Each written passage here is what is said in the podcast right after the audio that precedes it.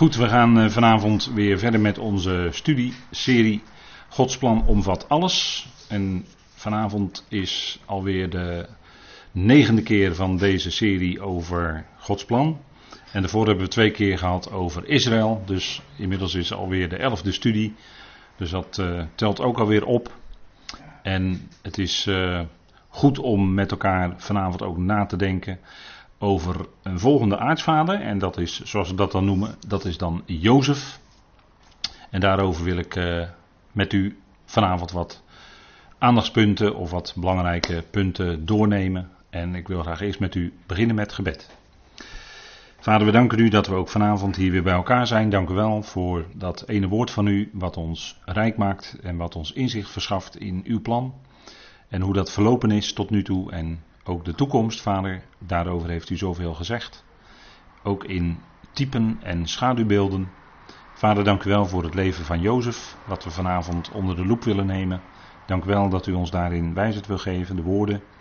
Een luisterend hart. Vader, opdat we mogen verstaan wat u te zeggen heeft en geef ons ook een geopend hart, dat we die woorden van u ontvangen en dat we zo met elkaar weer een stapje verder mogen komen in de dingen van u. We danken u dat u ons rijk maakt in het evangelie van de apostel Paulus. Wat ons uitzicht biedt op een geweldige toekomst voor heel de schepping.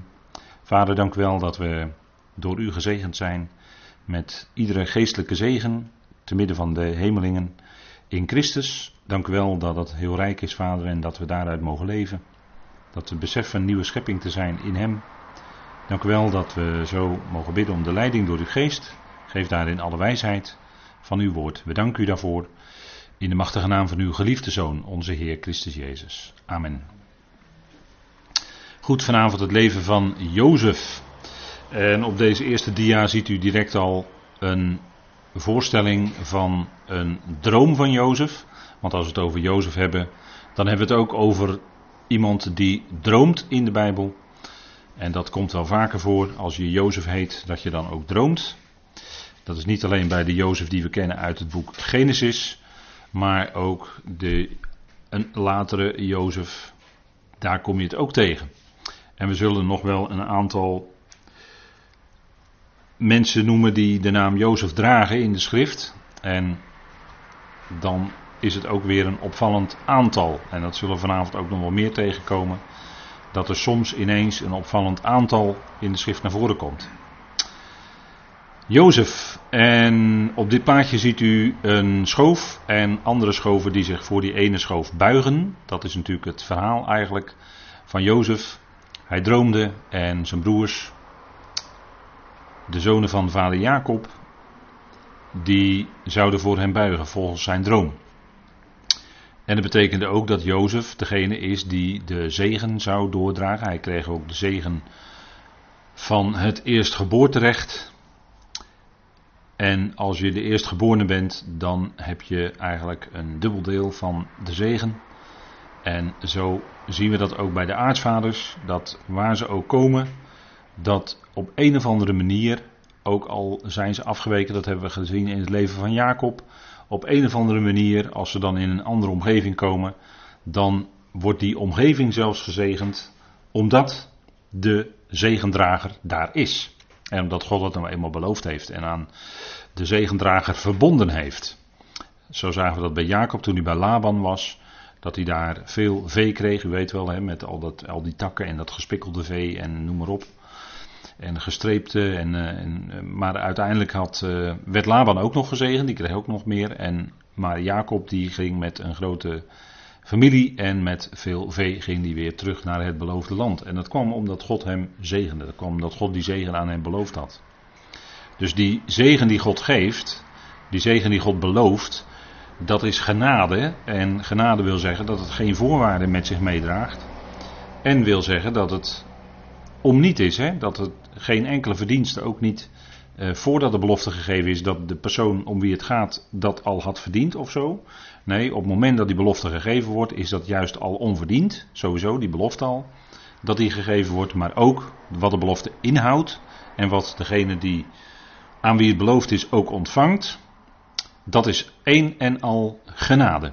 En dat is ook wat voor ons natuurlijk zo geldt als leden van het lichaam. We hadden helemaal nergens recht op. Waren voor de meeste geld, denk ik, van ons dat we niet eens konden zeggen dat we behoorden bij het volk Israël. Want dan zouden we nog op basis van afstamming aanspraak kunnen maken. En dat loopt dan ook via Jacob en de aartsvaders. Maar wij waren niet eens nazaten van Israël. Wij waren zeg maar uit de natieën, uit de volkeren. En nochtans is ons enorm rijke zegen gegeven. En dat is natuurlijk genade. Uh, ja, ik zeg dan wel eens genade plus plus. Hè?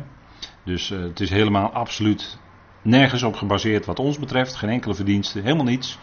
En dat is ook het principe van genade. Genade en werken sluiten elkaar wederzijds uit. En dat uh, denk ik dat als u de studies van de gelatenbrief heeft beluisterd, dat u dat ook goed duidelijk is geworden. Maar sowieso, als je de brieven van Paulus leest, dan kom je dat tegen. En dan gaat het allemaal maar om. Jozef. Jozef een bijzondere figuur. Een figuur die eigenlijk, eh, zou je kunnen zeggen, als je naar die aartsvaders kijkt, eh, er een beetje bovenuit steekt. En dat is omdat van Jozef eigenlijk, ja, als je het goed bekijkt, dan kun je bij Jozef in zijn leven eigenlijk niet echt iets aanwijzen waarvan je nou zegt van dat heeft hij nou fout gedaan. Of daar is hij nou helemaal onderuit gegaan of wat dan ook. Hij was wel een zondaar, omdat hij was van, hij was van Adam afstammend en stervend en dus was hij ook een zondaar. Daar gaat het verder niet om. Maar in de schrift is van hem eigenlijk niet echt iets opgetekend wat hij nou fout deed. Hij deed eigenlijk alles goed, zou je kunnen zeggen. En dat is ook wel heel bijzonder. En dat maakte dat alleen al. En dan uh, loop ik al vooruit, maar u, u u voelt hem dan al aankomen, denk ik. Dat alleen al maakt hem natuurlijk een geweldig type van onze Heer Jezus Christus, van wie gezegd wordt dat hij zonder zonde was. En dat er bijvoorbeeld geen bedrog in zijn mond werd gevonden. dus dat betekent ook ja, dat hij zelfs in zijn spreken nooit een steek heeft laten vallen. Nou, dat maakt natuurlijk wel heel bijzonder. En dat maakt Jozef zo'n bijzonder type van onze Heer Jezus Christus. De Heer is natuurlijk, zou je kunnen zeggen, de grote Jozef. Of ik kan ook zeggen, de ware Jozef. Uh, want Jozef was slechts een type. Hè. Jozef zelf was een zondaar. Maar de Heer Jezus Christus, die wel uit mensen geboren is geworden, uit Maria, die was zonder zonde. Van meet af aan hele leven zonder zonde. En hij werd tot, uiteindelijk wel tot zonde gemaakt. Dus toen, dan zou je nog kunnen zeggen, hè, toen hij gekruisigd werd, werd hij als zondaar gerekend. Maar dat is alleen gerekend, hè? omdat het op hem werd gelegd. Maar goed, daar ga ik ook niet uh, te diep op in, want we gaan even wat meer naar Jozef kijken. En als u nou afvraagt van, hé, hey, Jozef. Kijk, Jozef is eigenlijk iemand die je vergeet. Als je het over Jozef hebt, dan zeg je, oh ja, Jozef. Je vergeet hem. Abraham, Isaac en Jacob, of Abraham en Jacob vooral, dat zijn figuren, ja, dat weet je altijd wel te herinneren. Het ligt ergens toch bij ons als gelovigen wat meer bovenop. Maar Jozef is altijd degene van, je vergeet hem eigenlijk. En dat is ook wel zo in de schrift. Komt die Jozef, wordt hij beschreven, en dan komt hij als het ware op het toneel, maar dat is dan maar heel eventjes en dan verdwijnt hij ook weer. Dat gebeurt diverse keren bij een Jozef. Zullen we zien. Want er zijn maar liefst dertien Jozefs in de Bijbel. En op deze dia ziet u met alle tekstverwijzingen erbij ziet u ze staan. Dus dat bespaart u een hoop schrijfwerk. Maar het is misschien wel de moeite waard om dat voor uzelf eens na te zoeken. Hè. Dan hebben we eerst Jozef, de zoon van Rachel. En dat was de eerstgeborene. En wat Rachel daarvan zei, en dat is voor vanavond wel toepasselijk, dus die wil ik dan even wel met u opzoeken. Genesis 30, toen Jozef geboren werd. U weet wel, Rachel was de beminde. Rachel betekent zoiets als ooi. Hè, en um, Lea daartegenover, en dat is natuurlijk altijd ook het contrast, hè, Lea daartegenover. U weet wel, Jacob dacht dat hij met Rachel in het huwelijk was getreden. En s'morgens bleek, zie, het was Lea. En toen moest hij nog zeven jaar werken voor Rachel. En Rachel was de beminde. En Lea was de niet beminde. En als ik het zo zeg, waar denkt u dan aan? Want ik praat nu al bijna een beetje dubbel. Hè? Waar, heb ik het dan over? Dan heb ik het over. Als ik zeg Hosea, Ami en Lo-Ami. Dan komen we tegen Rugama en Lo-Rugama. Dus de, degene over wie God zich ontfermt en over degene over wie hij zich niet ontfermt. De niet ontfermde, de niet beminde dus. Dat soort dingen, hè? Dat, dat zit daar gelijk dan onder. Hè? En de beminde, die bleek onvruchtbaar. Maar dat hebben we natuurlijk vaker gehad. Hè? Dat hebben we gehad bij Sari. Dat hebben we gehad bij Rebecca. En nu doet zich dat weer voor bij Rachel. De beminde bleek onvruchtbaar. Akara in het Hebreeuws te zijn. En dat is juist, dat is natuurlijk precies, ik zou bijna willen zeggen de bedoeling. Maar als we kijken bij Rachel, dan is daar nog wel wat meer aan de hand. Want als we kijken in Genesis 30, en we lezen dan even vers 1. En dan weten we dat Lea inmiddels kinderen had gekregen. En dan staat er in 30 vers 1, toen Rachel bemerkte dat zij Jacob geen kinderen baarde, werd Rachel jaloers op haar zuster. En zei tegen Jacob, geef mij kinderen, en zo niet, dan sterf ik. Toen ontstak Jacob in woede tegen Rachel en hij zei, neem ik soms de plaats in van God, die jou de vrucht van de schoot onthouden heeft? Hé, hey, heeft iets te maken met God, hè? Daarop zei ze, zie is mijn slavin Bilha. En dan, ook dat is bekend in die familie, zou ik bijna willen zeggen. Want dat hebben we ook al eerder gezien bij Abraham. Hè? Bij Abraham en Sari. Sari was onvruchtbaar. En toen kwam Hagar, de slavin. En die gaf wel een kind. En zo is het ook hier. De slavin Bilha en Zilpa. Die kregen kinderen. Dan Naphtali, Gad, Aser. Weet je wel, die vier. En dan zien we ook dat Rachel dan zegt in vers 6. Toen zei Rachel, God heeft mij recht verschaft. Ook heeft hij naar mijn stem geluisterd en mij een zoon gegeven. En ze gaf hem de naam Dan. En dat was eigenlijk de zoon dus van de slavin. En dan gaat dat kinderen krijgen, om het zo maar te zeggen, door. En dan in vers 22 staat van Genesis 30. God dacht ook aan Rachel en God verhoorde haar. Hij opende haar baarmoeder.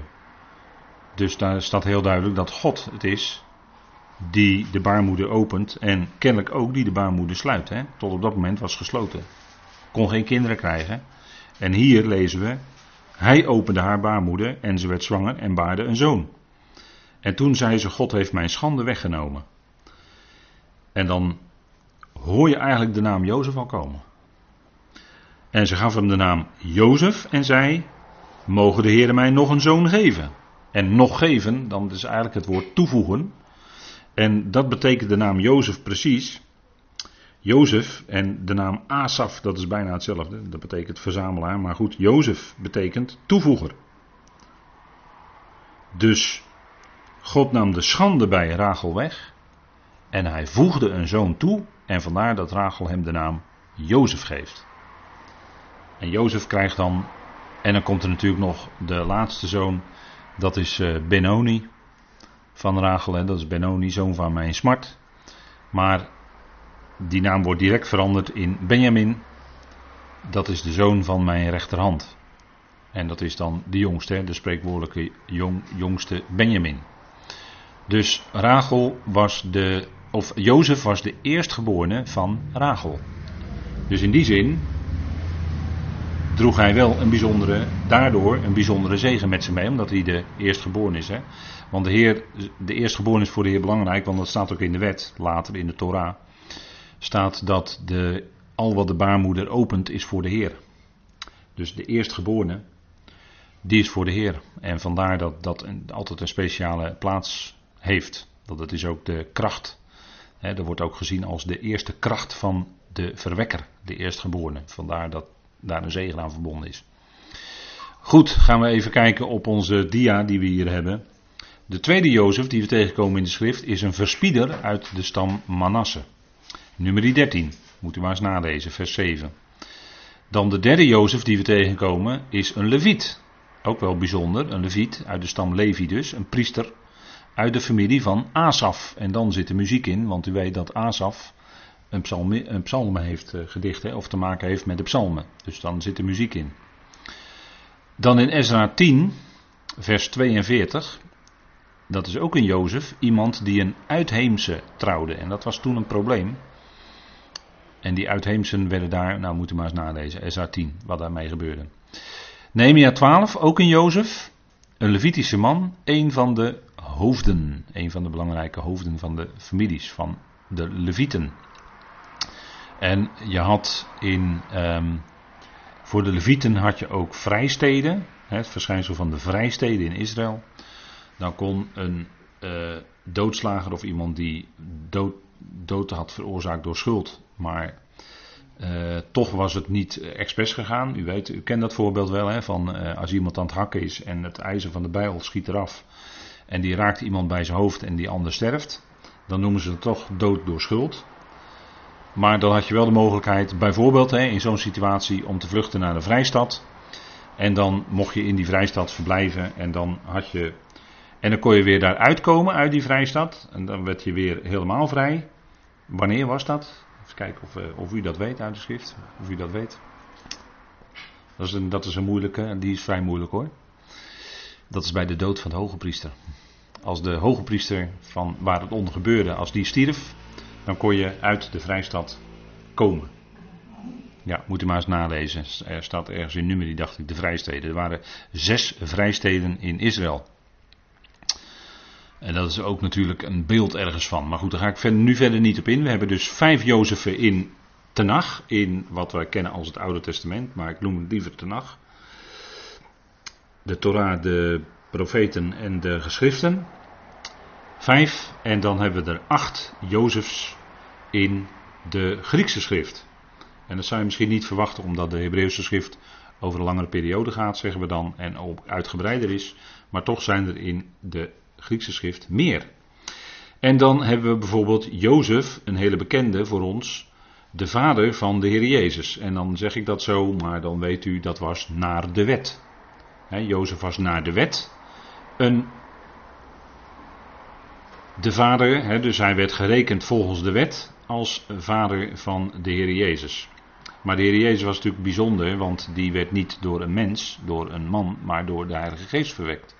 En deze Jozef was ook een zoon van David. En de David, dat was de koning, die kwam uit de lijn van Juda. En deze Jozef was, die wordt ook genoemd een zoon, en daar wordt de Heer ook genoemd de zoon van David. In Lucas 3, vers 23 lezen we dat hij naar de wet, hè, want er staat in uw vertaling dan naar men meende, was hij de vader, maar er staat er eigenlijk naar de wet gerekend, werd hij gerekend als vader van de Heer Jezus. Dus werd hij gerekend als degene die als zijn vader door het leven ging. En dat is uh, ook wel weer bijzonder. Hè? Jozef, dan zien we eigenlijk opnieuw een Jozef.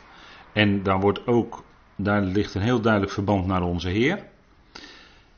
En dan is daar ook een broer van de Heer Jezus. En in uw vertaling staat misschien de naam Jozef. Maar als u wat een modernere vertaling heeft, een wat nieuwere vertaling, dan heet hij ook gewoon Jozef.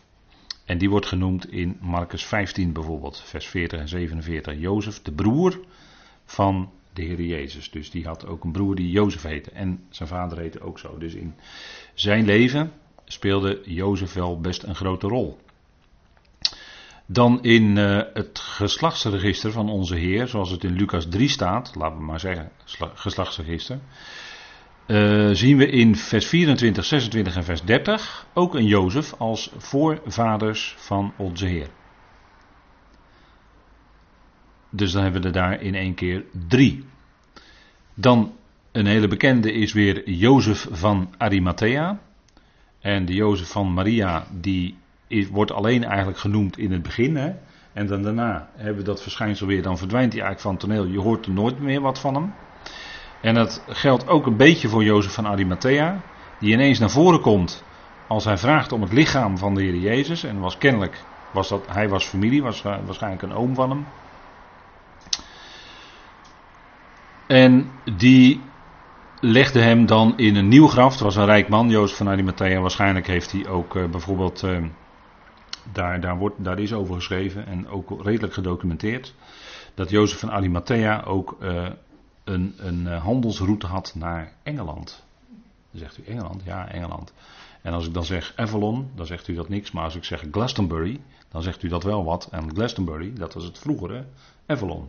En Avalon, dat is een belangrijke plek geweest in verband met de handel. En Engelsen, die zeggen, als je dat daarna gaat zoeken, die zeggen heel hardnekkig dat Jozef van Arimathea daar meerdere keren geweest is. En ze zeggen ook dat de Heer Jezus zelf daar geweest is. En dat zou dan zijn geweest in een periode uh, waarover in de schrift eigenlijk heel weinig vermeld. Vanaf uh, zeg maar zijn twaalfde jaar dat hij meeging met zijn ouders naar de tempel tot aan zijn dertigste jaar het begin van zijn optreden. Daarover kun je in de schrift niks vinden. Maar er zijn heel wat bronnen die zeggen dat de Heer Jezus zelf, zelf in Engeland geweest is. En daar zijn ook nog wel sporen van terug te vinden. Ik geef het maar mee ter overweging. Um, het staat niet in de Bijbel, dus dan, ja, dan zeg je ja, hoeveel bewijs is er dan? Dat is misschien wel lastig, maar in Engeland wordt het, als je dat gaat nazoeken en je komt bij de juiste mensen terecht, wordt het toch vrij hardnekkig als traditie aangenomen dat hij daar geweest is. En dan zou ook later, toen de Heer eenmaal was opgestaan en weggegaan, zou ook zelfs Maria, dus de moeder van de Heer, en met Jozef van Arimathea en nog een aantal van die bekenden ook in Engeland geweest zijn. Ook die, dat, zo'n verhaal of verhalen met meerdere kanten wordt dat bevestigd. Maar goed, dat zijn tradities en misschien wel legenden, dus laten we maar voorzichtig mee zijn. Maar ik geef het maar eens mee ter overweging. Ik vind dat wel, als je daarover leest, is het wel heel erg boeiend.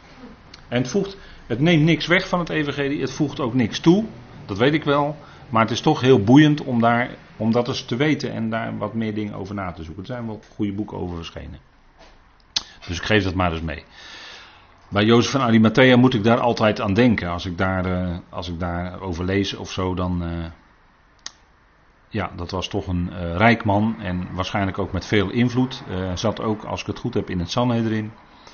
En samen met, u weet wel, de leraar van Israël, samen met Nicodemus, slaagde hij erin om inderdaad dat lichaam van de Heer te kunnen verkrijgen en uh, in doeken te wikkelen en in een nieuw graf te leggen. En dat is ook precies de vervulling van, zo moest het ook zijn, want het is een vervulling van profetie, hè? Jezaja 53. Hij was bij de rijken in de dood, staat in Jezaja 53.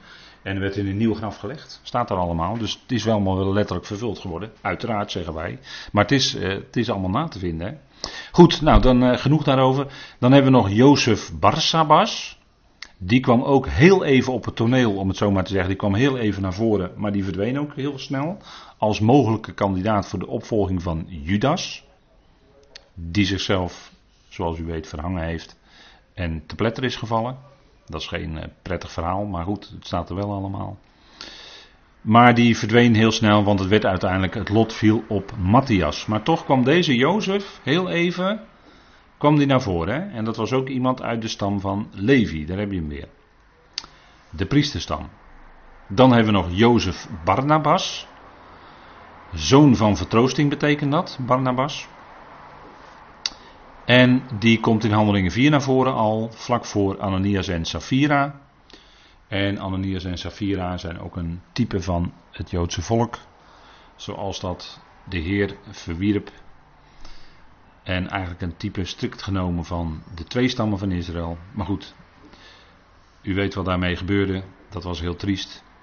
Maar in ieder geval, Jozef komt, deze Jozef komt vlak voor handelingen 5, voordat die kwestie van Ananias en Safira gaat spelen.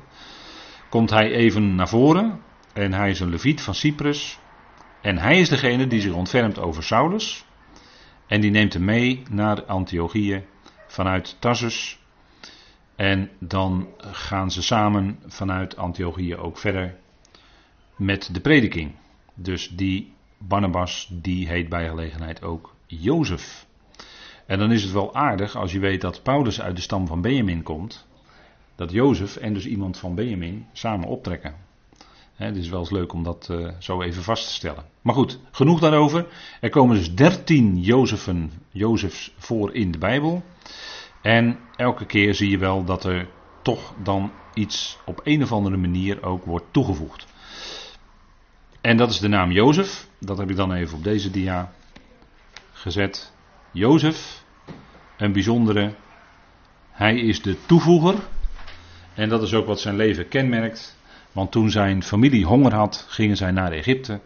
En ze kregen door Jozef toegevoegd graan, leven. Zo voegde hij in hun leven iets heel belangrijks toe, zodat ze konden blijven leven. En maakte die ook die naam waar. Hè? En later werd hij door de farao genoemd Zafnat Paaneach. Dat was dan zijn Egyptische naam. En als je dat na gaat zoeken, dan zijn de betekenis, zijn de meningen verdeeld. Maar mogelijk betekent het redder van de wereld. En dat is wel heel mooi. Want Egypte is altijd in de Bijbel een type van de wereld, van deze oude wereld. En Jozef die kon de dromen van de farao uitleggen. En daardoor konden de maatregelen genomen worden voordat de zeven magere jaren zouden komen. En kon er dus voldoende voedsel zijn. En zo kon Jozef op die manier redder zijn van de toenmalige wereld. En er wordt ook gezegd, en dat is, komt uit de rabbijnse bronnen, onthuller van verborgenheden. Dus je zou het nog op een bepaalde manier kunnen afleiden. Op deze manier onthuller van verborgenheden. En dat is natuurlijk ook waar, want dat is wat hij deed. Farao die droomde en niemand kon het uitleggen. En Jozef kon wel vertellen. Dus hij onthulde wat verborgen was gebleven in die droom. En Jozef is verbonden met dromen, hè, dat weet u. Maar goed, daarom we zo meteen nog meer. Jozef was een herder, want hij was, gaan we even naar Genesis 37. Hij was aan de schapen aan het hoeden. En dat lezen wij in, dat staat op deze dia niet helemaal goed. Dat is 37 vers 2 moet het zijn. Op de dia staat vers 3. Dat zal ik, als ik het niet vergeet, aanpassen. Maar er staat in Genesis 37 vers 2. Dit zijn de afstammelingen van Jacob. Jozef, 17 jaar oud, hoede gewoonlijk het kleinvee van zijn broers. Hij was een jonge man met de zonen van Bilha en met de zonen van Zilpa. De vrouwen van zijn vader. Dat waren natuurlijk eigenlijk de slavinnen. Dus dat deed hij dan samen met Dan, Naphtali, Gad en Aser, met die zonen. Hoede hij de, het kleinvee, dus Jozef was ook een herder. En dat lezen, komen we natuurlijk ook vaker tegen. Want een herder is eigenlijk, ja, dat, dat is het woord rohi in het Hebreeuws. En dat betekent eigenlijk veel meer dan alleen herder. Um, maar het woord herder, dat wordt toegepast zowel op Jozef, en we komen dat later natuurlijk ook tegen bij David. En hij was herder, maar tegelijkertijd ook koning, hè, want het was de bedoeling dat een koning in Israël zou ook herder zijn over zijn volk. Die moest waken over dat volk, die moet herderen over dat volk. Hè. Dus een koning is tegelijkertijd ook een herder. Dat, dat, dat weet men over het algemeen tegenwoordig niet meer. Maar dat is wel eigenlijk de functie van een koning. Die moet eh, zijn volk behoeden. Dus hij werd ook koning. En hij kreeg hier op dit plaatje, ziet u ook, hè, die veelkleurige mantel kreeg hij om als ter onderscheiding van zijn broeders. En dan kunt u zeggen, ja, dat deed die vader Jacob dan helemaal verkeerd. Door hem voor te trekken. Ja, het was natuurlijk de zoon van de beminde, het was de zoon van Rachel. Dus ja, en hij was 17 jaar oud en dan zeg je, dan moet je dan zo jong, moet je hem dan zo'n mantel omdoen. En dat wekt toch allemaal jaloezie bij die broers. En zo was het ook natuurlijk, dat wekte enorme jaloezie. En met alle gevolgen van dien. Maar we zien ook over het leven van Jozef, dat wat er ook gebeurt, op een of andere manier is daar toch die, zeggen wij dan, onzichtbare hand van God over zijn leven. Die zijn leven toch leidt. En die ook dat negatieve in zijn leven, dus het gedrag van zijn broers, gebruikt ten goede. Later zegt Jozef dat ook, als hij zich bekend maakt aan zijn broers in Egypte. Dan zegt hij, ja, jullie hadden dat ten kwade gedacht. Maar God, Elohim, die heeft het ten goede bedacht. Dus dat kwade wat zij hem aandeden, werd door God gebruikt. En ik kan het nog sterker zeggen, werd door God via die broers zelfs ingezet om dat, God dat goede uiteindelijk zou bereiken. En dan heb je ook gelijk weer een stuk inzicht in Gods plan. Hè? Want zo werkt God in zijn plan. God gebruikt dat kwade en hij zet ook instrumenten in om dat te doen. Hij heeft bijvoorbeeld, zegt Jezaja 54, een verderver geschapen om te vernielen. En er staat een causatieve vorm in het Hebreeuws. Dat wil zeggen dat het dus oorzakelijk door God geschapen werd met de bedoeling om dat ook te gaan doen. Dus hij heeft de verderver geschapen om te vernielen. Dat was een heel doelbewust plan van God zat daarachter. En dat is opdat God uit, daardoorheen zijn heil en zijn redding zou uitwerken. En dat kun je natuurlijk toepassen op allerlei momenten in Gods plan. En de hoogste toepassing is natuurlijk bij de kruisiging van onze Heer. Van één kant bekeken is het een enorm kwaad wat hem werd aangedaan. En wat God werd aangedaan door die zondeloze zoon, notabene, te kruisigen. Dat was een verschrikkelijk kwaad. Maar gaan we van andere kanten bekijken, dan zien we het goede, het ultieme goede wat God daar voor de hele schepping mee uitwerkt.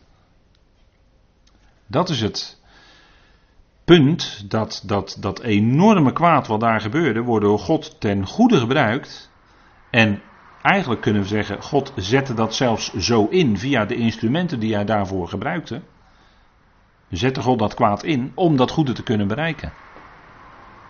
En dan zien we ineens, hé, hey, kijk, in het leven van Jozef overkwam hem kwaad. Ondanks dat we van Jozef eigenlijk geen dingen lezen waarvan je kunt zeggen, dat heeft Jozef nou verkeerd gedaan en dan moet hij zelf de gevolgen daarvan dragen. Nee, dat was helemaal niet aan de orde. Hij kwam bij zijn broers en hij werd overgeleverd en naar Egypte toe. Zij deden hem kwaad aan. En God gebruikte dat later, zelfs ten goede ook van die broers zelf, die hem dat kwaad hadden aangedaan. En dan kan ik weer een lijntje trekken naar Israël, want de broeders van onze Heer naar het vlees, dat is Israël. En daarvan zijn die broers van Jozef een type. En die broeders van de Heer, die hebben hem dat kwaad aangedaan. Ja, ze leefden hem over in de hand van de Romeinen. Maar Petrus zegt op de, Pinkster, op de, ja, op de Pinksterdag, zegt Petrus, jullie hebben hem gekruisigd, huis Israëls.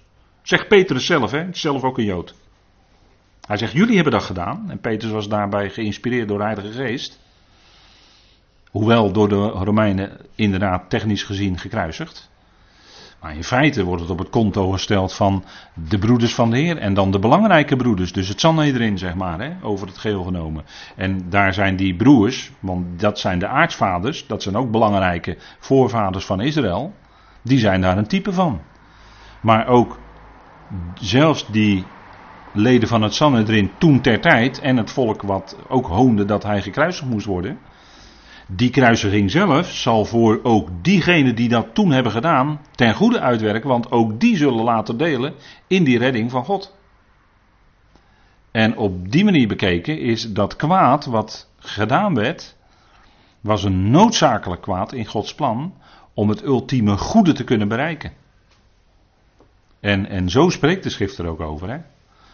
Dus ik laat u gelijk even een lijntje zien, zo vanuit het leven van Jozef, wat hem overkwam, dat het later ook de Heer overkwam en dat eigenlijk zelfs tot in de details aan toe, dat allemaal profetisch, typologisch wijst naar wat onze Heer zou overkomen. En dan krijg je ineens een diepte in de schrift, waarvan je zegt van ja, dat hebben, dat, hoe is het mogelijk? Hoe is het mogelijk? als, je daar, als je daarover hoort, als je dat uitgelegd krijgt, dat is mij ook overkomen. Ik kreeg het ook op een gegeven moment zo uitgelegd of ik las daarover. He, anderen hadden dat gevonden in de schrift. En, en dan sta je eigenlijk stom verbaasd dat, dat zulke lijnen al in Genesis aanwezig zijn. Omdat het later, en dan kan je zien dat het, dat het Gods woord is. Dat het zo'n diepte heeft, zo'n diepgang. En dat het al in typen en profetie laat zien wat er later zou gebeuren. En dan is die God van de Bijbel is ook werkelijk God. Want hij voorzegt vanaf het begin wat het einde zal zijn. En het komt ook zo uit. En dan ben je echt God hoor. Dan ben je het waard om echt God genoemd te worden. En dat, is, eh, dat geldt eigenlijk alleen voor natuurlijk de God van Israël. En alle anderen zijn afgoden. Dus we zien onthullen van verborgenheden. Hij maakte het bekend. Jozef maakte die dromen bekend. Wat in later tijd zou gebeuren. En daarin was hij natuurlijk ook een type van onze Heer. Hij sprak profetisch. Goed, als we even inzoomen op het leven van Jozef. Dan zien we eigenlijk in dit overzicht op deze dia. Zien we de hoofdstukken 37 tot en met 41. Dat is als het ware een voorbereidende periode. En de hoofdstukken 42 tot en met, ja zou je kunnen zeggen, het einde is dan wat God daar allemaal mee uitwerkte. En dan zien we ook dat het negatieve, het kwaad wat Jozef overkwam, dat blijkt dan toch een geweldige uitwerking te hebben ten goede. En we zien in 37 dat het raadsbesluit of de wil van God kun je ook zeggen, werd weerstaan en verworpen. Dus de, wat, God mee, wat God wilde met Jozef, dat werd op dat moment verworpen. En daar ging God mee aan de gang. En dat was ook ten diepste de bedoeling. Niemand kan zijn bedoeling weerstaan, zeggen we dan. En dan krijgen we het intermezzo, Genesis 38, de geschiedenis van Juda en Tamar. En dan Genesis 39, 41, Jozef in Egypte. En dat is de periode van zijn vernedering, of de periode van zijn lijden zou je kunnen zeggen. En dan zien we ook dat ook daar geldt dat principe, dat zien we al heel duidelijk. Zijn vernedering, zijn lijden, het lijden van Jozef zou heerlijkheid gaan opleveren. Dus het is door lijden met de lange ei tot heerlijkheid. Hè? En die heerlijkheid kwam natuurlijk later in Jozefs leven. De vrucht. Jozef en zijn broers, vers 42 tot 45. En dan, is dan zijn de rollen omgedraaid. Opnieuw Jozef en zijn broers. Want je kan uh, uiteindelijk toch niet thuiskomen zonder je broeders. En dat gold ook voor Jozef. En dan wordt het besluit van God, wat God bedoelde, wel tot stand gebracht. En het wordt ook erkend door die broers. En dan een intermezzo in Genesis 46 opnieuw. En dan vanaf 47 vers 1, Jozef in Egypte. En dan is het zijn verhoging. Dan wordt hij verhoogd tot onderkoning zelfs, de tweede man onder de farao. Dus dan is het een vernedering voorbij en dan is zijn verhoging gekomen. En zo is het ook bij de Heer gegaan. De Heer werd vernederd op deze aarde. En daarin bleek zijn ootmoedige gezindheid. En later werd hij ook verhoogd aan de rechterhand van God. En daar is Jozef natuurlijk dan ook weer daarin een type. Dus dat is even het overzicht. Maar u ziet helemaal uitgeschreven op deze dia. De missie van Jozef potentieel, dus wat het eigenlijk in zich had. Maar het kwam er niet uit. Hij werd eerst vernederd en later de missie van Jozef alsnog voleindigd. En dat is ook met de Heer zo. De Heer, zijn missie zal alsnog voleindigd worden. Hij is nu verhoogd. En straks zal het blijken wat de gevolgen zijn van zijn vernedering en zijn verhoging. Heil en zegen, redding voor de hele wereld. Hij wordt genoemd door zijn broeders de meesterdromer. Want die waren jaloers. Hij kreeg een veelkleurig gewaad. Er staat eh, in ehm, Genesis 37, vers 3, dat lees ik even met u. Israël, dat is dus de nieuwe naam van Jacob, hè? dat weten we sinds Peniel. Israël, dat wil zeggen oprecht met God, of het wordt ook veel vertaald met vorst met God. En dan ga je meer kijken naar dat sr, wat in Israël zit, van sar. Dat, dat heeft te maken met vorst, vorstelijkheid, de voorste. Had Jozef meer lief dan al zijn zonen, want hij was voor hem een zoon van zijn ouderdom. Want Rachel was immers eerst onvruchtbaar langere tijd en later alsnog kreeg zij kinderen, zoals het eigenlijk steeds gaat in de schrift. En dat is ook een beeld, zo'n onvruchtbare vrouw is ook een beeld van de wereld. Onvruchtbare wereld, die eerst niet kon voortbrengen, maar alsnog uiteindelijk toch zal voortbrengen. Want we weten dat de schepping, deze wereld, is in banesnood. En wij zeggen het is nu hartstikke onvruchtbaar wat er allemaal gebeurt. Akara, Romeinen 8. Vruchteloosheid, de schepping is aan de vruchteloosheid onderworpen. Dus is niet vruchtbaar. Maar deze schepping zal alsnog vrucht voortbrengen. En zal alsnog heerlijkheid ontvangen. En dat zegt Romeinen 8 ook. Hè? Dus dat is de, de gang die God gaat. Dus de tijd van onvruchtbaarheid, die zal alsnog toch vrucht opleveren. En dat is het wonder wat God doet. Dat degene die en zo zegt Jezaja dat ook op een gegeven moment. Degene die geen kinderen had, die kinderloos was, zal alsnog baren. En dat is het wonder wat God doet. God geeft namelijk opstanding uit de doden. Vraagt u dat maar na aan Abraham en Sarai. Maar toen heten ze inmiddels al Abraham en Sarah. Weet wel met die he erin, hè? Die he, die, dat is die venster, dat venster, hè? Dan komt dat licht naar binnen. En dan uh, gaat God zijn werk doen. Genesis 17 worden de namen veranderd. En dat is niet voor niks, want dan wordt Sarah alsnog vruchtbaar. En dan krijgen ze alsnog kinderen. Zo gaf God leven uit de doden. Abraham geloofde in de opstanding. Jozef, de meeste dromer. Nou, er waren er maar liefst drie paar dromen. Want bij Jozef is ook alles dubbel, hè? Dat is ook wel gek. De dromen zijn altijd dubbel. Gaat u het maar na. Maar eerst droomt hij zelf dubbel. Hij droomt over schoven. geschoven. Dat spreekt van zijn toekomst. En spreekt van leven, want van aren en graan kun je brood maken en brood moet je eten om te kunnen leven. Dus brood is leven. Het brood des levens is bijna een pleonasme zou ik willen zeggen. Net niet hoor, het is meer een tautologie denk ik. Maar het is wel brood staat voor leven. Ik hoop dat u die symboliek goed begrijpt. Hè? En natuurlijk, de Heer Jezus is zelf het brood van het leven. dus ik praat nu weer een beetje dubbel, omdat we het over dromen ook hebben. Maar de Heer Jezus zelf is het brood van het leven. En dat zegt hij nadrukkelijk. Hè? Ik ben, en dan zegt hij ego eimi. En dat woord ego erbij, dat is ik. En dan legt hij zwaar de nadruk op dat ik, want met eimi zeg je ook al ik ben. Maar als hij er nog een keer ego bij zet, dan is het zware nadruk, dan is het ik nadrukkelijk ben het brood van het leven. Daarom werd hij ook geboren in Bethlehem, hè? Bethlehem, het broodhuis. Ja, dat kon niet anders. Hij zou de brenger zijn van leven. Hij was natuurlijk het ware manna wat uit de hemel is neergedaald. Waarvan het manna in de woestijn een type was. En dat is natuurlijk geweldig dat Jozef ook een type daarin is dat hij leven geeft ook aan zijn broers door middel van graan. De graanschuren van Egypte. Die bleken vol te zijn in de tijd van hongersnood. En dat is, eh, ja, zo werkt God dat uit. Hè? Dat zegt Jozef ook in uh, Genesis 45, vers 5. Want Jozef was een gelovige. Hè? We hebben het steeds over het geloof van Jozef. Als type van het geloof van Christus. God heeft mij voor jullie uitgezonden tot behoud van leven. En dat zou de Heer Jezus ook zomaar tegen zijn volk kunnen zeggen. eerst kwam hij en later zal dat volk gezegend worden doordat hij eerst gekomen was en gekruisigd werd en opstond uit de doden. Kan de Heer Jezus, deze woorden kan de Heer Jezus zo ook in zijn mond nemen. God heeft mij voor jullie uitgezonden tot behoud van leven. Niet alleen voor zijn volk. Hij kan dat tegen ieder mens zeggen uiteindelijk. Want alle mensen zullen delen in die heerlijkheid. Kijk, zo krijgt de schrift ineens wat dubbele lagen. En laat ik u wat lagen zien die zo verborgen zitten onder zo'n uitspraak. En dan krijgt de diepte, hè? Dan, dan, dat zijn de. Ja, ik vind dat heel mooi, daarom spreek ik er zo over. Ik vind dat prachtig, omdat je daarin ziet, kijk, dat is Gods woord. Hè? Dat is kostbaar. Dat is het, hè? Gods woord is het kostbaarste bezit van ons mensen.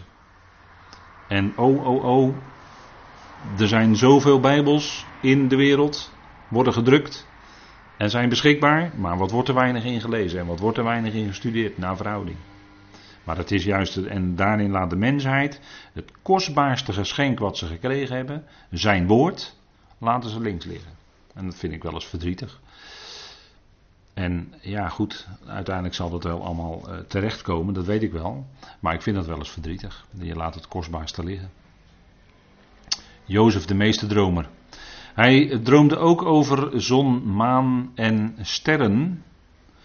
En natuurlijk, en dat, dat, dat, dat, soort symboliek, hè, in, in, in, in ons Westen wordt, wordt die symboliek wordt niet zo begrepen, hè, of is niet meer zo bekend. Maar het is algemeen bekend dat de zon staat voor, nou in het geval van Jozef voor zijn vader. En de maan staat voor zijn moeder, want de zoon is mannelijk en de maan is vrouwelijk. dat uh, dat uh, weet, weet, men eigenlijk wel, maar ook weer niet, hè, denk ik wel eens. En dat zijn toch van die dingen die, we, die je toch af en toe eens even naar voren moet halen. Hè. En dan moet ik, uh, toen ik zat voor te bereiden, moest ik denken aan het liedje wat uh, in de jaren 60 hè, van Ramses Shaffi en Lisbeth List. De pastorale. Dan beeldt Ramses ook in zijn zingen de, de, zon uit. En Lisbeth List die beeldt de maan uit. Hè, ik vind dat op zich, ja, zo'n lied is wel bijzonder. Zoals zij dat zongen en vertolkte was het bijzonder, vond ik. Maar dan denk je van, als je zo'n lied hoort, kijk, zij weten het. Hè, dat, in dat lied komt dat naar voren de zon is mannelijk ten opzichte van de maan en de maan is vrouwelijk ten opzichte van de zon, zon en maan. En dat zie je ook in openbaring. Daar heb je hetzelfde beeld. Hè? Zon, maan en twaalf sterren. En dat wordt ook verbonden met die vrouw daar in openbaring 12. En die vrouw is natuurlijk een beeld van Israël, wat die mannelijke zoon daar voortbrengt. Waar dan de tegenwerker, de tegenstander achter, op achterna gaat. Maar hetzelfde beeld hè. Zon, maan, twaalf sterren. heeft natuurlijk te maken met Israël. En die vrouw, sowieso als die vrouw daar naar voren komt, heeft ook te maken met Israël, sowieso. Dat is heel vaak zo in de schrift. En uh, hier staan ze in zijn droom voor zijn ouders en zijn broers. Want die elf schoven, en, of uh, die elf sterren en die zon en die maan, die bogen voor die ene ster. En dat, die ene ster is Jozef zelf. En dat wekte natuurlijk woede en jaloezie bij de broers. En daar komt later Jacob nog op terug. Als hij Genesis 49 uitspreekt, in, uitspreekt een zegen over Jozef. De zegeningen van je vader gaan de zegeningen van mijn voorouders te boven. Tot aan het verlangen van de Ionische heuvels. Mogen zij tot het hoofd van Jozef komen. En tot de kroon van de uitgekozenen onder zijn broers. Dus hier zien we dat die droom werkelijkheid is geworden.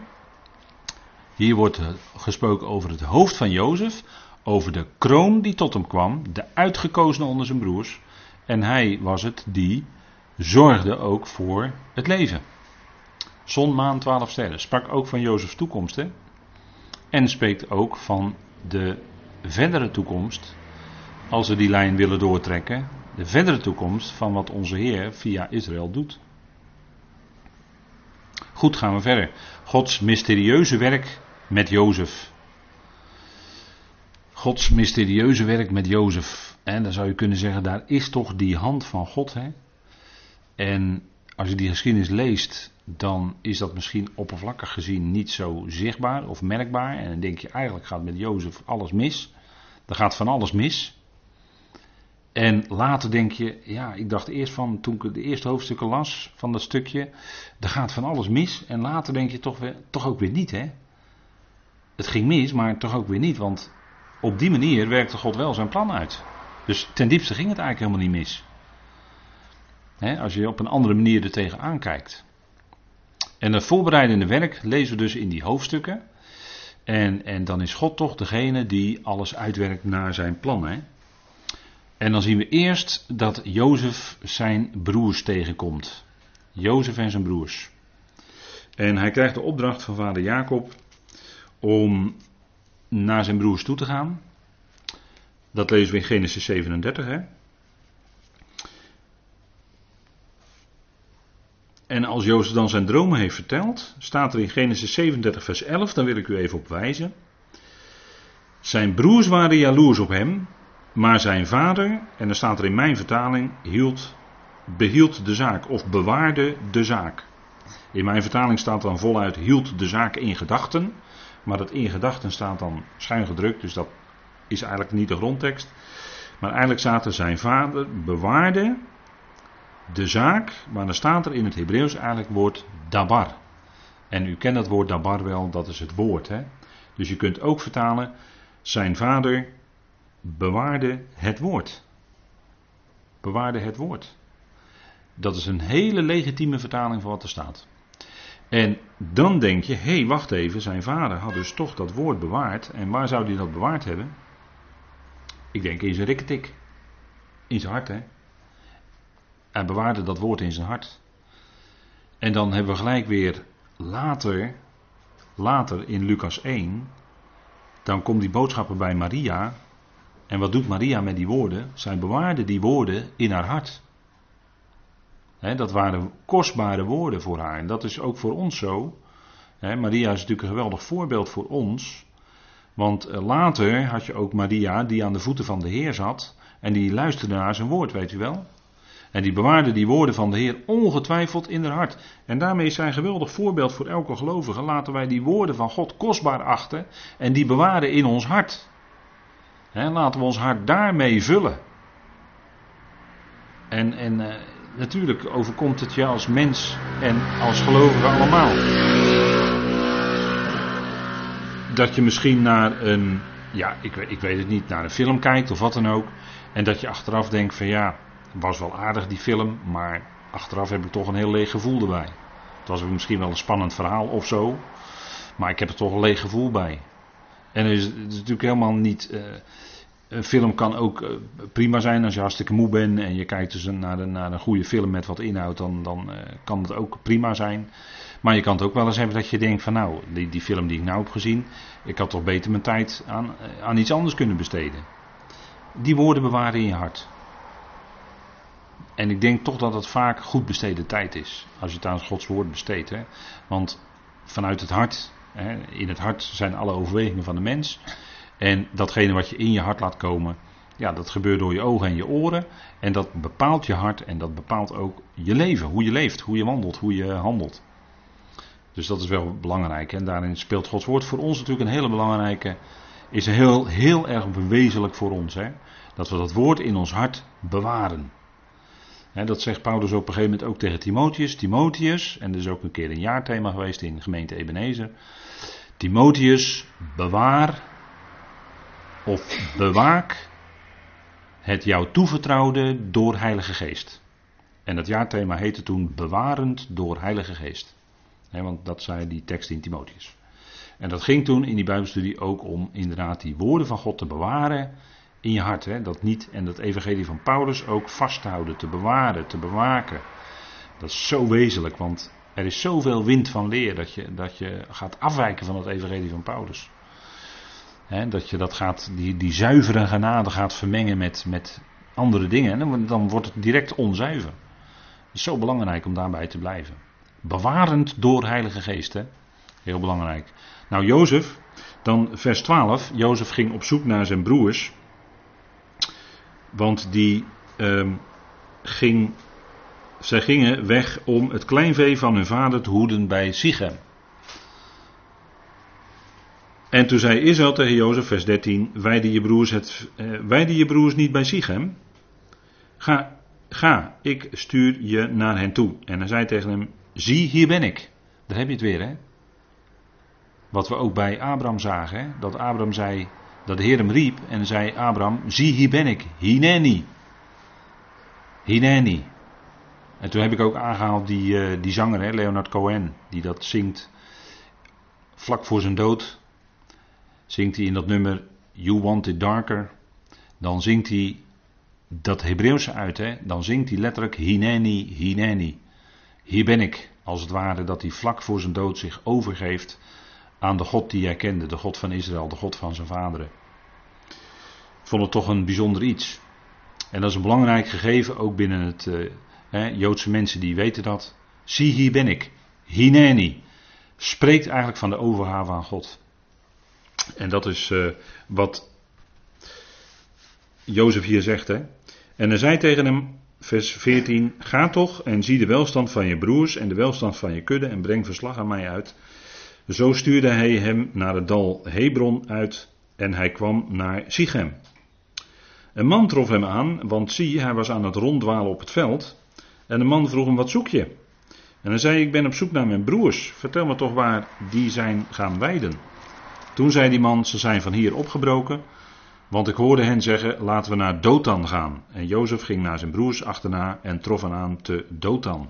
Dus die broers waren niet in Sichem, maar die waren in Dothan. En dan denkt u, nou, boeiend zeg, zulke mededelingen. Wat zegt mij dat nou? Dan moet je dus toch de schrift nalopen. Dat, dit zijn niet zomaar loze mededelingen natuurlijk. Waarom waren zij niet in Sichem, maar waren zij in Dothan? Sichem, dat uh, heeft te maken met. Het woord Sichem, uh, dat betekent schouder of schouders. Sichem, schouder. En wat op je schouders rust, wat op je schouders rust. Ja, wat, wat rust bij de Heer op zijn schouders? Als ik u uh, naar de bekende tekst verwijs van Jezaja, wat rust bij de Heer, rust bij de Heer op zijn schouders? In Jezaja 9. Ja. Nee? Ja? Nee, nee uh. De heerschappij, hè? De heerschappij rust op zijn schouders. En dat over het algemeen, wat op je schouders rust, dat heeft te maken met het dragen van iets belangrijks, hè? Dus dat zit, er, dat zit er onder meer in. Hè? Maar als je nou verder gaat kijken in de schrift waar Sichem voorkomt, dan zie je dat Sichem eigenlijk te maken heeft met een ja, eigenlijk met het, met het begin van het nieuwe verbond, met het begin van iets nieuws. En als u bedenkt dat bijvoorbeeld Sichem een van de vrijsteden was, we hadden het net over vrijsteden, maar een van die vrijsteden, dat was ook Sichem. En bij Sichem stond ook een eik. En bij eik, het woord eik is ook een eed. En dat spreekt ook van de beloften die God gegeven heeft. En die heeft hij met een eed gezworen. En dat gebeurde ook in, bijvoorbeeld in, bij het leven van Abraham. Bij een eik. En dan heb je ook een eik bij Sichem. Daar werden bij gelegenheid bijvoorbeeld ook de terafim verstopt. Weet u misschien wel geschiedenis uit het boek Richteren. Daar werden terafim verstopt. En wat zijn terafim? Dat zijn afgodsbeelden. Afgodsbeelden. En ook bij Sichem werd bijvoorbeeld. Wie werd daar begraven? Bij Sichem. Ja. En Sichem, daar werd Jozef begraven bijvoorbeeld, want Jozef had aanwijzing gegeven over zijn gebeente om dat mee te laten voeren naar het beloofde land. En dat werd later begraven bij Sichem. Maar ook van Jozua werden ook, die werd ook begraven bij Sichem. Dus dat is toch wel een belangrijke plek, hè? En Sichem, dat is ook de plaats, en die heet later dan Sigar, maar Sigar is eigenlijk hetzelfde als Sichem. Dat is waar de Heer die Samaritaanse vrouw ontmoette. U weet wel, die vrouw die daar bij die bron. En de Heer sprak daar en gaf haar in feite levend water. Dus dat was voor die vrouw daar ook een nieuw begin. En Sichem spreekt in zekere zin van een nieuw begin. En dan hebben we het ook gelijk over het nieuwe verbond voor Israël. Dus een belangrijke plek. Sichem. Maar het punt is, die broers die waren niet bij Sichem. Ze waren ergens anders. Maar het was wel de bedoeling, want vader Jacob sprak ervan dat ze zouden gaan weiden bij Sichem. Daar zouden ze ook moeten zijn. Daar zouden ze als herders moeten optreden voor de kudde. En die kudde dus moeten voorzien van voedsel, zodat ze in leven bleven. Leven, nieuw leven. He, Sichem, ik laat u horen, dat hoort bij elkaar. Maar daar waren ze niet. Ze waren bij Dotan. En wat betekent Dotan? Dotan betekent, als u het nazoekt, dan komt u heel snel tegen twee bronnen. Dus er was niet alleen, die, er was niet alleen één bron, maar er waren twee bronnen. Dat spreekt van verdeeldheid. Je zou kunnen zeggen, ze putten niet uit de ene bron, maar er waren twee bronnen. Ze hadden nog een bron erbij. Zo zou je het kunnen duiden, afleiden. Maar Dotan, als je dat woord verder terugzoekt, heeft te maken met tradities, met gewoontes, die op een gegeven moment belangrijker worden. En als ik het zo zeg, dan denkt u ook gelijk aan een andere bron. En dan bepalen we het even weer bij de schrift. Een andere bron naast Gods woord zijn tradities. Maar als je dus tradities gaat houden naast Gods woord, dan zal het zo gebeuren, en dat is zowel bij Israël als bij het christendom gebeurd, dan worden die tradities in de praktijk belangrijker dan Gods woord. Want de Heer zei ook toch tegen zijn volksgenoten, tegen de fariseeën, jullie hebben door jullie tradities en overlingen, overleveringen Gods woord krachteloos gemaakt. Want door die tradities wordt Gods woord buiten werking gesteld, in feite in de praktijk, en wordt het dus krachteloos gemaakt. Dat is dood Dat heeft te maken met tradities, met dingen ernaast. En daarover spreekt Peters bijvoorbeeld ook, als hij het heeft tegen zijn eigen volksgenoten, dan heeft hij het over de ijdele wandel of de lege wandeling die jullie van de vaderen overgeleverd is. Dat is niet een wandel naar Gods woord, maar dat is een wandel naar de tradities. Dat is naar de. Uh, ja, dan moet ik voorzichtig zijn, dat weet ik wel als ik het zo zeg. Maar de halacha hè, in, in het judaïsme. Judaïsme is, eh, zijn, zijn heel veel tradities naast Gods woord erbij gegeven. Dan heb ik het over de Talmud. En dat kan heel interessant zijn hoor, de Talmud. Of de Midrash, de uitleg, de Joodse uitleg, kan heel interessant zijn. Kan je helpen om misschien een tekst, teksten beter te gaan begrijpen. Maar het wil niet zeggen dat dat de enige ware uitleg is. Daar moet je heel voorzichtig mee zijn. Ik schuif het ook niet allemaal weg. Ik verwerp dat ook niet direct. Het kan zijn waarde hebben. Maar wees er heel voorzichtig mee. En je ziet binnen het Judaïsme, binnen het Jodendom, dat heel vaak de tradities belangrijker zijn geworden dan Gods woord. En ik kan u daar wel best zo concrete voorbeelden van geven hoor. Ik, uh, ik, kan, ik kan er wel een paar noemen hoor. En ik, ik, daarmee wijs ik het niet af. Daarmee bedoel ik niet dat het. Dat uh, ja, daarmee wil ik niet iets negatiefs duiden. Ik wil alleen zeggen dat zijn tradities die ontwikkeld zijn en waaraan men vasthoudt, maar die niet in Gods woord staan. Ik noem u bijvoorbeeld het keppeltje, het kippa. Waar ze zich, waardoor ze zich inderdaad onderscheiden van anderen. En daarom, daarom worden ze gediscrimineerd. En dat vind ik afschuwelijk dat dat gebeurt. Die, dat antisemitisme vind ik vreselijk. Maar zo'n kippa staat nergens in de Bijbel dat ze die op moeten hebben. Zo'n gebedsmantel of zo'n gebedssjaal staat ook nergens in de Bijbel. Wordt nergens in de Bijbel genoemd. Is ook zo'n traditie die ze ontwikkeld hebben. Ernaast. Nou, zo zou ik nog, hè, bijvoorbeeld waar de Heer dan over sprak, was het handen wassen. Ze moesten bepaalde handwassingen doen. Dat is ook traditie. Uit de Talmud kan je dat allemaal halen. Maar het staat niet in de Bijbel dat ze dat moeten doen. Begrijpt u? Dus ik, maak nu even ik ben nu even scherp, hè? maar ik maak wel onderscheid tussen wat in de schrift zelf echt staat en wat ernaast ontwikkeld is binnen het judaïsme, binnen het jodendom. En daar moet je toch altijd onderscheid in blijven maken. Want de heer Jezus zei tegen zijn volksgenoten dat die handwassingen en alle soort dingen, hè, of ze zeiden van, hè, ze hadden ze geleerd dat is korban en dat was in de praktijk dan belangrijker. Hè, lees het maar aan, Matthäus 15. Dat was in de praktijk belangrijker geworden dan de schrift zelf. En dat verweet de Heer zijn volk. Dan wordt hij heel scherp hoor. Als het woord van zijn vader verwerpen. En ze hebben daar traditie voor in de plaats gesteld. Dan is de Heer vlijmscherp. Lees u het maar na. Johannes Evangelie staat er vol van. En het punt is, het ging hem om het woord van zijn vader. En dat wordt door traditie, en dat is ook in het christendom gebeurd. Dat de tradities die ernaast gegeven zijn, de traditionele, en dan heb ik het bijvoorbeeld binnen protestantisme alleen al over de beleidenisgeschriften, die zijn in de praktijk nog steeds bij kerken belangrijker dan Gods woord zelf. Ik zeg in de praktijk, want als je het gaat navragen, dan komt de theorie op tafel, zeggen ze nee, sola scriptura, Gods woord alleen. Ja, nee, maar dan de praktijk. Dan komen ze toch met de kinderdoop, wat nergens in de Bijbel staat. En moet ik, moet ik u dan nog doorgaan? Dat, dat de kerk Pasen viert? Is nooit aan de kerk gegeven. Pesachfeest is aan Israël gegeven. Feest van de Heer is aan Israël gegeven. Pinksterfeest is nooit aan de kerk gegeven. Is door de Heer als feest van de Heer aan zijn volk gegeven. Is nooit aan de kerk gegeven.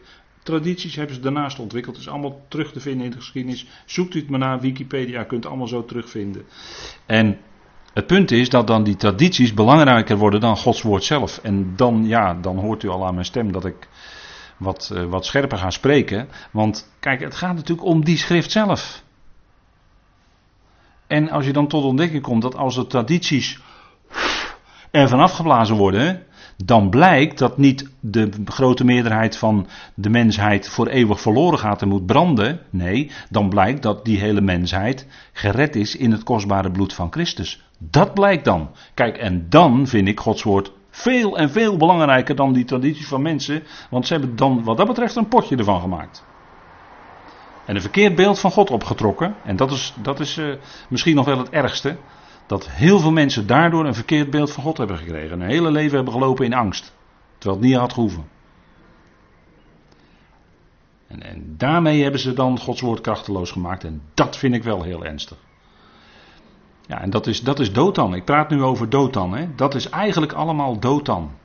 Die broers waren niet in Sichem, maar ze waren in Dotan, waar ze, waar ze niet hadden moeten zijn. En kijk maar wat ze dan vervolgens met degene komt, Degene, eh, wat ze met degene doen die dan op ze afgestuurd wordt. Maar we gaan eerst even pauzeren, dan gaan we na de pauze met elkaar verder.